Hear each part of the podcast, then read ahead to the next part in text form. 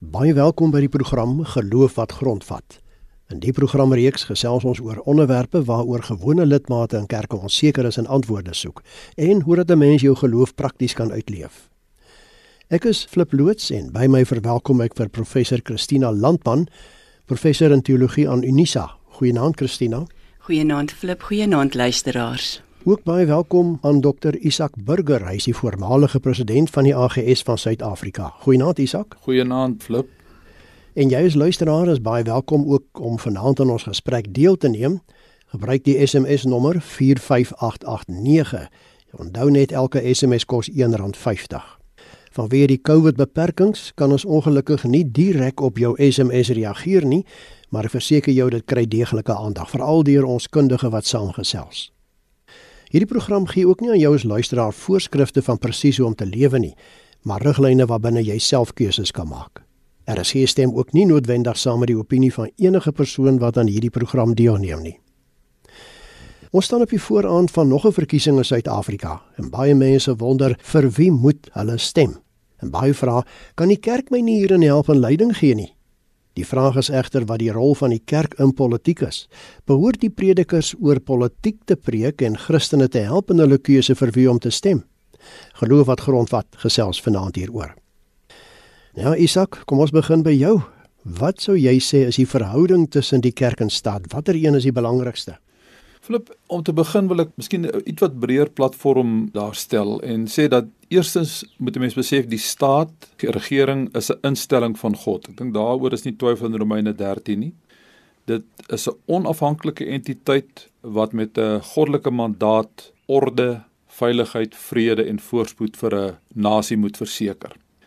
Die staat kan egter nie mynsinsiens in dieselfde kategorie as die kerk geplaas word nie. Die kerk of eklesia, die uitgeroepenes van God, bestaan uit diegene wat aan Christus behoort. Daar is so identifisering met Christus dat die kerk sy liggaam en bruid genoem word. Dit is die staat nie.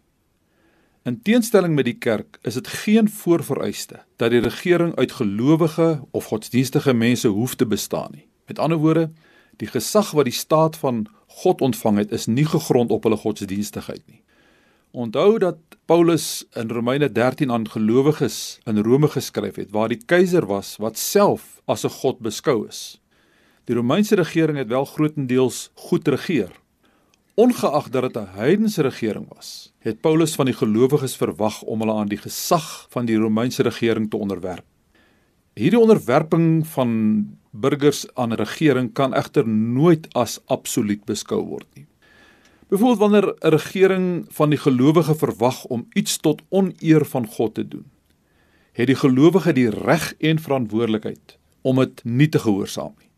In die vroeë kerk was die wesenlike gevolg van so 'n weiering in 'n diktatoriale stelsel waar die keiser autoritair regeer het, was die gevolg dikwels dat jy vir jou geloof en belydenis vervolg en selfs gedood kon word. En as hier waar Handelinge 5 vers 29 ter sprake kom daar die bekende woorde van die apostels aan die owerheid van die dag waar hulle sê dat aan God groter gehoorsaamheid getoon moet word as aan die staat. Dis ook in hierdie konteks waar die profetiese verantwoordelikheid van die kerk ter sprake kom. In ons dag het ons nou nie meer 'n diktatoriale regering nie, maar 'n demokratiese stelsel en die dwang van politieke korrektheid, die een wat druk op die kerk en individuele gelowige plaas. Anders nie meer vervolging nie. Hieruit voortvloeiend wil ek dus sê dat die staat en die kerk twee selfstandige entiteite is wat naas mekaar bestaan. Dit is natuurlik verkieslik dat hulle in 'n vriendelike en welwillende verhouding met mekaar staan. 'n Goed funksionerende staat kan tot voordeel van die kerk wees. Dis waarom Paulus in 1 Timoteus 2 vers 1 en 2 die gelowiges aanmoedig om voorbereiding te doen vir die regering sodat ons 'n stil en rustige lewe kan hê. Aan die ander kant sou dit wys wees van die regering om in 'n goeie verhouding met die kerk te staan, omdat die kerk veral in Suid-Afrika weens sy grootte, sy invloed, sy infrastruktuur meer vir die welstand van die kerk doen as waarvoor hy dikwels krediet kry. Die kerk is egter nie in diens van die staat nie en kan nooit deur die staat as 'n handige lakai beskou word nie. In Suid-Afrika en seker elders ook is die skielike geneentheid van die staat teenoor die kerk voor verkiesings telkens hoogs suspisieus en is daar inderdaad kerklike groepe en individuele lidmate wat telkens so mislei en misbruik word. Christina, as ek so luister na wat Isak hier vir ons gesê het, dan blyk dit tog dat daar twee verskillende entiteite is as ons praat van kerk en staat, maar kerk funksioneer dan wel binne 'n bepaalde raamwerk van politiek bedryf in 'n land. Ek sou nog graag by jou wil weet hoe belangrik is die politiek in die land en behoort veral Christene hulle te stuur aan wat politici doen? Ek stem saam met alles wat Dr Isak gesê het. En daar is inderdaad 'n baie sterk tradisie in Suid-Afrika nog steeds onder Christene dat die regering is God gegeewe. God het die regering daar geplaas. Daar is ander tradisies ook, maar hierdie is 'n oorheersende tradisie nog steeds in Suid-Afrika. Ek sou sê Christene is burgers van die samelewing en dus moet hulle aan die politiek van die dag deelneem, soos enigiemand. Ons kan immers sê dat daar goed is wat Christene kan doen wat politici nie kan doen nie. Dis hoekom ons maar die politiek op die regte pad moet hou. Christene kan mense se harte verower. Hulle kan gebroke harte genees, hulle kan haat en liefde omkeer, hulle kan vergifnis en vrede en versoening bewerkstellig. Dis alles dinge waarmee politici maar sukkel. So ek sou sê nee, definitief moet die Christene in daai kapasiteit, soos dokter Isak ook vir ons verduidelik het, moet hulle deelneem aan die politiek. Ja, jy sê die politiek ons moet hulle op die regte pad hou, dis nou die Christene Christina, maar as jy nou nie weet watter bepaalde party daar is wat jy graag kan en wil voorstem nie, jy stem nie saam met enige van die partye nie, behoort 'n Christen dan enigstens te gaan stem? Ek dink alle burgers van die land moet gaan stem en dit sluit Christene in. En dis juis ons geloof, soos Dr Isak nou vir ons verduidelik het, wat maak dat Christene moet gaan stem om ook 'n stem te hê in wat in die samelewing gebeur. Dis juis ons geloof wat ons laat gaan stem om deel te neem aan hierdie burgerlike samelewing en watter bydrae dan ons dan as burgers lewer en spesifiek dan as Christene. Isak het nou nou so vlugtig daarna verwys toe ek jou gevra het oor die verhouding tussen kerk en staat, maar party mense voel dat die politiek vuil is en die kerk hom nie daarmee besig moet hou nie. Ek hoor nou die dag iemand wat sê die kerk is die morele stem van 'n land. Hoe behoort die kerk nou sy volgelinge te adviseer in 'n verkiesingstyd? Oor so 'n bietjie meer se week met ons gaan verkiesing hou, behoort predikers oor die politiek te preek. Kyk, Philip, mense sal terugdink van die gedagte dat iemand nou 'n preek gaan preek met die opskrif of die tema politiek. Die kerk se prediking is gefokus op Christus en op sy openbaring soos ons in die skrif dit vind. Maar aan die ander kant, omdat politiek so wesenlik deel is van ons daaglikse lewe en so 'n invloedryke rol in 'n land en gemeenskappe speel waarvan die kerk deel is, dink ek nie kan dit anders as dat politiek in ons prediking ter sprake kom. Natuurlik gaan 'n mens wegbly van partytetiek want ek dink die meeste gemeentes het lidmate uit verskillende politieke partye, maar oor die politiek, oor waardes, oor beginsels, oor riglyne en ook 'n profetiese vermaaning waar dit nodig is, dink is heel gepas in ons prediking. Jy luister na RSG met die program Geloof wat grondvat en ons gesels vanaand oor die kerk en politiek. Ek is Flip Loots en my gaste is professor Christina Landman en dokter Isak Burger. En jy's luisteraar kan gerus saamgesels, gebruik die SMS nommer 45889. Onthou net elke SMS kos R1.50. Christina, jy het net nou gesê ons moet die politici op die regte pad hou en daarom sou ek vra maar as die kerk nou hoor van dinge wat verkeerd loop en hy beleef dit self, durf hy stil bly en daar's bepaalde politici wat verkeerde leiding gee, hoe moet die kerk te werk gaan? Soos ons nou al gesê het, 'n meerderheid Christene in Suid-Afrika glo waarskynlik dat God die owerheid aangestel het, dat ons dit moet gehoorsaam behalwe wanneer iets gebeur of gesê word wat teen die wil van God is of wat ons sê God het nie beveel nie. Maar die vraag is nou wel, wat is hierdie dinge wat ons moet sê die regering sê so maar ons sê sus? Daar was byvoorbeeld 'n voorbeeld van 'n lugredery wat met 'n spesifieke individu 'n groot regsaak aangegaan het uiteindelik omdat die individu wat gewerk het vir die lugredery 'n aanhangertjie 'n kruisie gedra het. En die lugredery het gesê nee, dit is nie toelaatbaar wanneer jy mense op die vliegtyg bedien nie. Nou die vraag is nou, is dit nou die moeite werd om daaroor 'n hofsaak te hê? Of moet ons op partygoedjies terugstaan? Is daar groter dinge waarvoor ons moet veg, goed soos geregtigheid, gelykheid? Altyd sal ek sê moet ons daaroor krities bly en die kerk volg nie blindelings nie. Die kerk volg krities. Ek dink dit is ook wat dokter Isak gesê het. Ons moet sê elke individuele geval sal 'n mens dink, moet die kerk hier praat of is dit nie deel van die hoofbelang van die kerk nie, maar ek dink ons het dan geïdentifiseer dat goed soos geregtigheid, gelykheid, die sorg vir die armes, daai dinge is kerndele van die Christendom waarby ons die politici altyd moet hou. Krities, nie blindelings nie. Isak, ek dink die belangrike vraag by baie Christene is nou juis die vraag oor hoe dat Jesus met die politiek assosieer. Steur hy hom hoegenaamd aan politiek in 'n land en agter wie se naam ek my kruisie gaan trek? Flip, kyk die Here is natuurlik in staat om in enige land, ongeag enige politieke bestel, sy koninkryk te bou. Ek dink dit het oor die eeue gebleik van die een ekstreem na die ander ekstreem, is God magtig om in daai konteks sy kerk te laat groei maar die welwese van nie net die kerk nie, ek dink die welwese van alle mense maak vir God saak of dit goed gaan of nie. So lief het God die wêreld gehad. Die bevoegdheid, die waardes, die bekwaamheid van regerders is daarom sekerlik belangrik vir die Here. En dit word deur ons as die kiesers op 'n demokratiese wyse en bestel bepaal. So ons het 'n inspraak in watter soort leiers ons het maar ons moet die keuse van hierdie belangrike rolspelers besef. Ons het ook 'n rol daar. Ek meen om daardie keuses dan nou oor te laat as gelowiges net aan ongelowiges. As mense sou sê ek as gelowige wil nie stem nie of behoort nie te stem nie, wat sê ek eintlik daardeur? Ek sê daardeur dat die mense wat die landsregerders gaan kies wat oor my en oor almal gaan regeer, is ongelowige mense wat nie in God glo nie. Ek meen dit is 'n verskriklike toedrag van sake dat ons onder 'n bewind moet staan wat ons gesê het ons wil nie kies nie, maar ons het nie 'n keuse, ons moet onder hulle staan. So ek dink dit is wesentlik belangrik dat Christene hulle kruisie moet gaan trek. Elke Christen wat daar is. Christina, Isak het gesê ons as Christene moet betrokke wees by die land se politiek en die regering en die tipe van dinge veral met 'n verkiesing. Maar nou is daar so baie partye in die land, elkeen het sy eie stel beloftes en ek hoor hoe beklei hulle in die media met mekaar. Is dit nie dalk tog maar beter as ek myself as Christen heeltemal uit die politiek hou nie? Ek wil graag vir Daniel in die Bybel as 'n voorbeeld gebruik. Daniel was deel van en hy was hoog op in wat ons nou maar sal noem 'n heidense regering, die Babiloniese regering. En hy het sy alles gegee om te werk vir daardie regering wat nou nie 'n demokratiese regering was nie, maar 'n diktatorskap en so uiteindelik het hy terselfdertyd dan ook nou sy geloof se rites uitgevoer, maar die oomblik toe daar nou 'n wet kom dat hy nie meer sy geloof kan uitoefen het hy inderdaad opgestaan daarteen.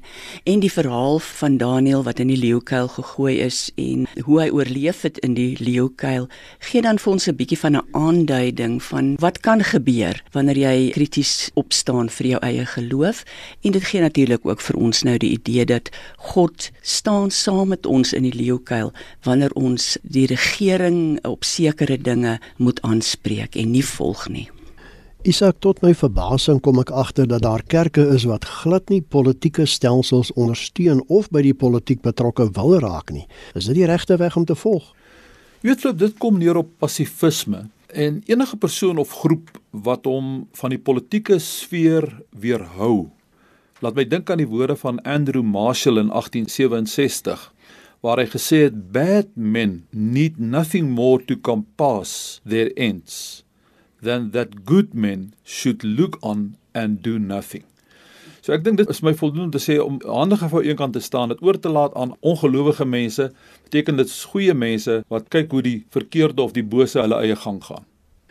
Dit is RSG met die program Geloof wat grondvat. Ons gesels vanaand oor die kerk en politiek. Ek is Flip Loots en my gaste is professor Christina Landman en dokter Isak Burger. En daar's nog tyd vir jou as luisteraar om saam te gesels. Gebruik die SMS nommer 45889. Onthou net elke SMS kos R1.50. Christina, kom ons raak prakties. Hoe kan die kerk betrokke raak aan die politiek van die dag? En sou daar wel 'n kritiese stem van uit die kerklike geleedere kan kom wanneer dinge skeefloop in die land soos ons nou hoor julle vanaand al sê, meer nog behoort die regering om te stuur aan die stem van die kerk. Wel ek dink dit is regtig dom van die regering as hulle hulle nie steur aan die stem van die kerk nie omdat die kerk 'n geweldige hoë persentasie mense in die land verteenwoordig tot omtrent 80% as jy nou die ander godsdienste inreken dan het 85-90% van die samelewing behoort aan 'n godsdienstige tradisie. Ek sou byvoorbeeld 'n voorbeeld wil noem. Ek dink die kerke en ander godsdienste moet registreer by die regering dat die regering hulle kan gebruik om deur die kerke maatskaplike werk te doen soos om nou byvoorbeeld in COVID tyd medisyne en vaksinasie te doen ook om kos uit te deel deur geregistreerde kerke en ander godsdienstige instellings. Dis wat ek dink die verhouding tussen die kerk en die staat moet wees. Die meeste mense stem nie saam met my hiermee nie maar ek voel kerke en so aan moet registreer by die regering want in baie omgewings is daar gewoon net 'n kerk. Daar's niks anders nie. Daar's nie 'n maatskaplike werker nie, daar's nie 'n kliniek nie, daar's niks nie. En dat kerke dan hulle self beskikbaar kan stel om saam met die staat hierdie tipe van werk te doen. Dit is maar net my eie mening. Die probleem flip om te sê die staat moet na die kerk se stem luister is die kerk praat natuurlik nie net uit een mond nie. En dit is waar die baie baie moeilike dinge kom. Sê maar nou goed ek noem nou die moeilike goed soos abortus homoseksualiteit Die kerke praat nie uit een mond daaroor nie. Die regering praat ook met 'n ander stem. So as partykerke nou nie saam met die regering stem nie, wat maak ons in daai onderhandelings as ons nie saam praat oor wat aangaan nie? So dis baie moeilik. Ek wil nog 'n voorbeeld noem, vroue se gelykheid. Dis baie moeilik vir die kerke om saam te praat oor so 'n spesifieke onderwerp en dan die regering te adviseer. Daarom moet ons ook maar net hier erken, die kerk het ook 'n gediversifieerde stem. Hy praat nie almal saam oor een onderwerp nie. Maar as jy nou sê kerke moet registreer by die staat Christina, is dit nie juist die gevaar wat baie kerke daarin sien dat die staat miskien een of ander beheer oor die kerk kan uitoefen nie?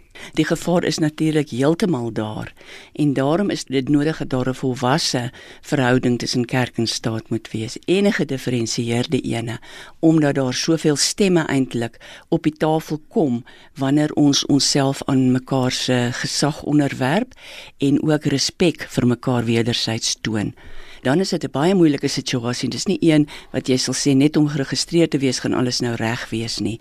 Dit is iets wat ons saam moet praat oor wat is die gevolge van so 'n registrasie. Isak, jy het heel aan die begin verwys na Romeine 13 dat Paulus daar skrywe: Elke mens moet hom onderwerp aan die owerhede wat oor hom gestel is. Daar's immers geen gesag wat nie van God kom nie en die owerhede wat daar is is daardeur die beskikking van God. Nou wonder ek maar net, beteken dit dan dat ek geen ander keuse het as om vir die heersende party te stem nie? Allermins flip, hierdie skrifvers in Romeine waarna hy verwys het, het betrekking op 'n spesifieke regerende party. En dis nie tydgebonde nie. Was nie net vir die Romeinse rykie want hy het gekom en gegaan. Daar's geen politieke party in enige land wat nog altyd geregeer het nie. So dit gaan oor gebed vir die party of die leierskap van watter aard, watse stelsel ook nou aan bewind is om vir hulle te bid, voorbereiding te doen. Met die seker weet daardie party, watter party dit ook al is, het 'n rakleeftyd. Dit beteken nie dat jy nou met aanhou bly bid net vir daardie een party nie. Jy bid vir die regering wat aan bewind is op daardie stadium.